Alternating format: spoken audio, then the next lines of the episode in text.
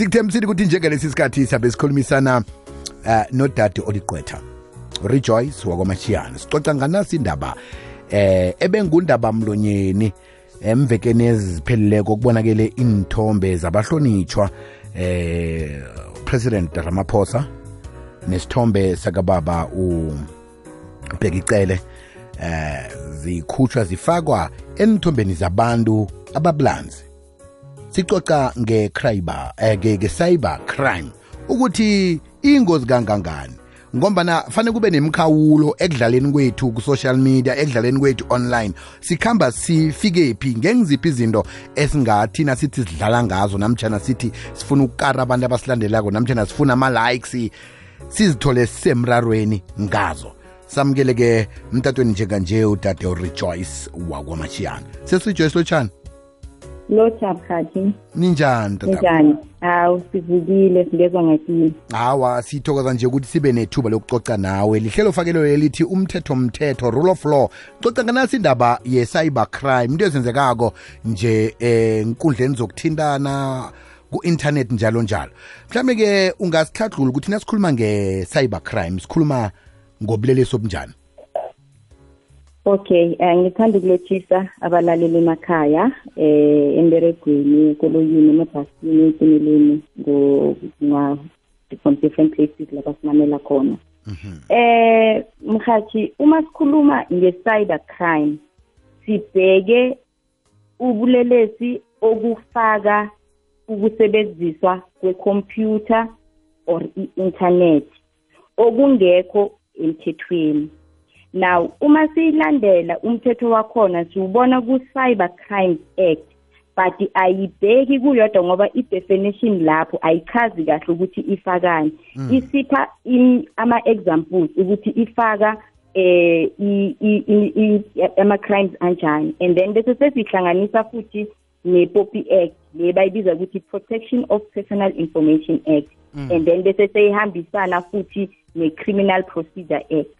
Now uma sibheka kuyo le cyber crimes act ithi yona ifaka ubulelesi okukhombisa ukusebenzisa ikhompyutha number one ngokungekho emthethweni nokusebenzisa i-information yomuntu ngokungekho emthethweni.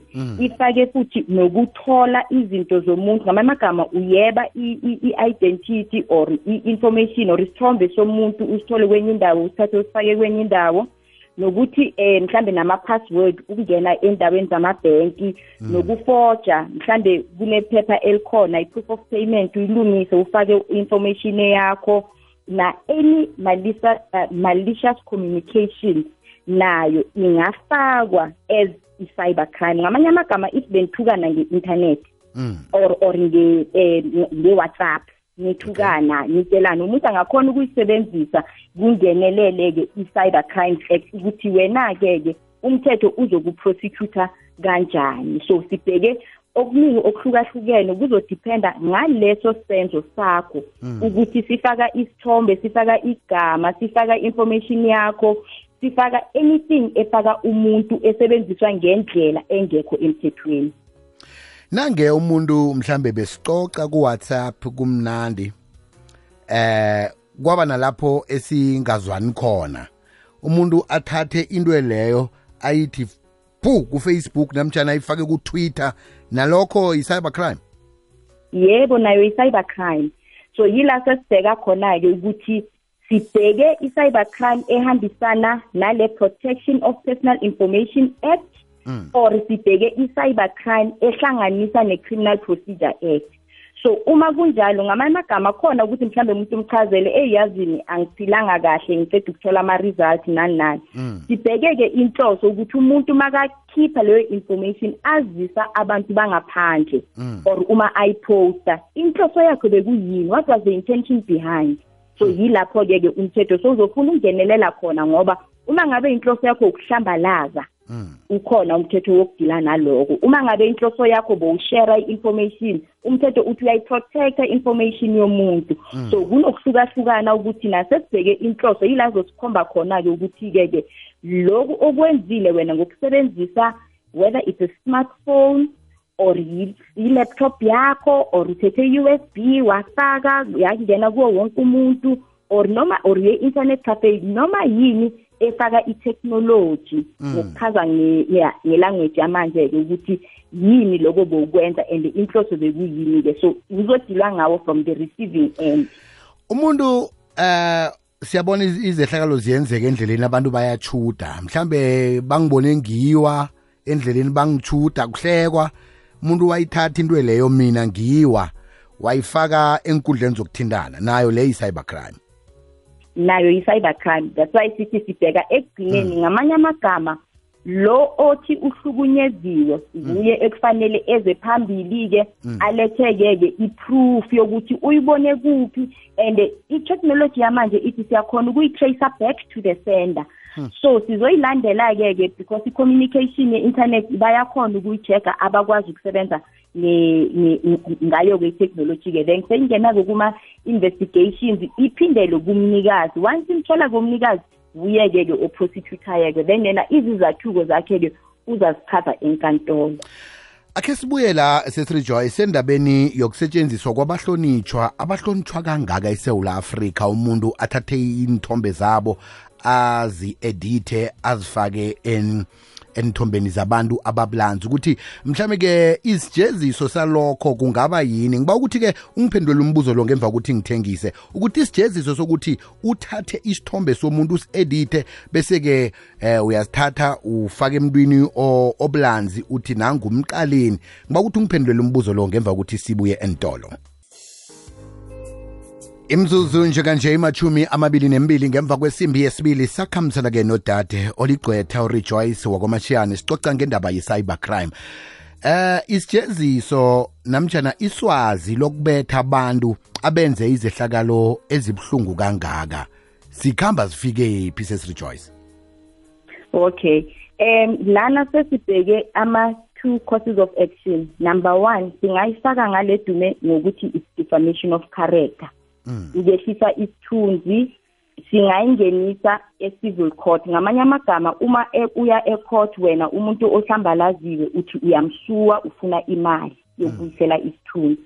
And then number two iyangena nakhona ku-criminal court as sibiza ukuthi it's crimen injuria now leyo uma i-definition yakhona ithi um ithi ithi ngibize ngesingisi ngizokhona ukuyitranslate kahle. Ithi it's a willful injury to someone's dignity caused by some use of obscene or racially offensive language or gestures. Ngamanye amagama ithi wenze ngenhloso ukuyehlisa isidima or isithunzi somunye umuntu. Mm. ngokusebenzisa itira yinkulumo or izithombe ewazi wena ukuthi azibukeki kahle. So leyo ke ke izongena ke ngeprosecution ifaka amaphoyisa ama-investigation kube i-case engena ecourt isijoziso ukuthi umuntu ultimately uzophelela ejele. Hmm.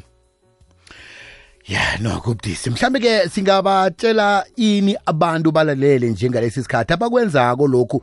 Noma mhlambe eh ngiyithola isithombe thize ngizidlulise mina ngidlulisele kabanye abantu. Eh nami ngiyatholakala ngimlando na? Ngombana ayisi ayisimo senzileke isithombesi. Mhlawumbe ayisimo olethe ikulumo le kodwa na ngokuyithola kwami nami ngiyifake ngithega abanye namtshana ngiyifake eh ku status se Facebook ami. Ngimlando nami. Yebo umlando uyaba nawo. Kakhulukazi uma ushare isithombe esifaka abantwana ngamanye amagama i-child pornography. Mm. Ezomseme ezabantwana umthetho is very specific ngawo ukuthi uma uyithola wena udlulisa. Mm. sizokujezisa njengalo osenzile lesenzo so yila seyibheka khona-ke ukuthi okay if nisebenza ngamanye amagama nibonakala niyinhloso A1 nisame WhatsApp group.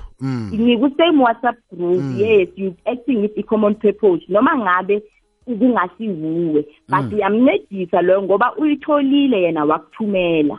Wena uma uyithola wenzani? Uyayidlulisa nawe-ke. So siyanipenda nonke ngepende A1 ke then sekuzawuhluka ke ke ke mase seyifika ke enkantolo-ke ukuthi eh i-level of culpability izohluka kangakanani. But uma ngabe bakuthumele wena or ingene ngemistake or uyibone efonini yomntwana nani uma uyishare nawe you've got the same intention. Because njengoba isho ukuthi unlawful use so wena uyisebenzise nawe ngokungekho emthethweni noma ingacreatanga wuwe Mm mm. Yeah. Singabatshela nje abalaleli ukuthi ba bayiyelele begodu ke usiphe nenombolo zakho zomtato lapha bangakhona ukuthi bakuthole khona eh nabafuna eh, isizo elinabileko ngalesihloko senamhlanje si. okay ya esingagcina ngako ukuthi izinto seyitshentshile besi i-technology yizinto zamanje and umthetho so updated ukuthi udila kanjani. Ekuqaleni besizitshela ukuthi uma ungena ku-facebook yomuntu uma ufuna ukumstoka uvele utshentshe i- igama lakho ube umunye umuntu um-atheke umthuke wenzani. Umthetho uyakhona ukurivesa isitshele ukuthi ikhompyutha kabani isetshenziswe ubani.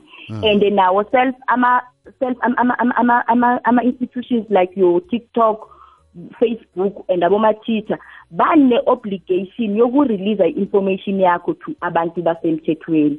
So izinto sezitshentshile we must be very careful. Umuntu uma ngabe niyathukana nithukane but ukhumbule ukuthi uma ngabe lo oxabana naye akajabulanga angakuyisa ecourt sidile nawe ngathi ibe physical even though mina bengidila ngayo ibe uh, just a communication. So communication we can treat it as into eyenzekile. And ukuthi ukude nomuntu akusasiyinkinga ngoba umthetho soyavuma ukuthi siyakhona ukucommunicate or uchargwe la u- u- uphule Ukhona khona khona. umthetho uya ukhona khona. So angeke ukuthi ngoba umuntu akakwazi sizokufuna sikuthole siyokuprosecute sikulethe eh la ufuneka khona njengoba kwenziwe i-case yabo eh yabo Thabo Bester ukuthi umuntu siyamlanda eze kule kule ndawo la amoshe khona umthetho.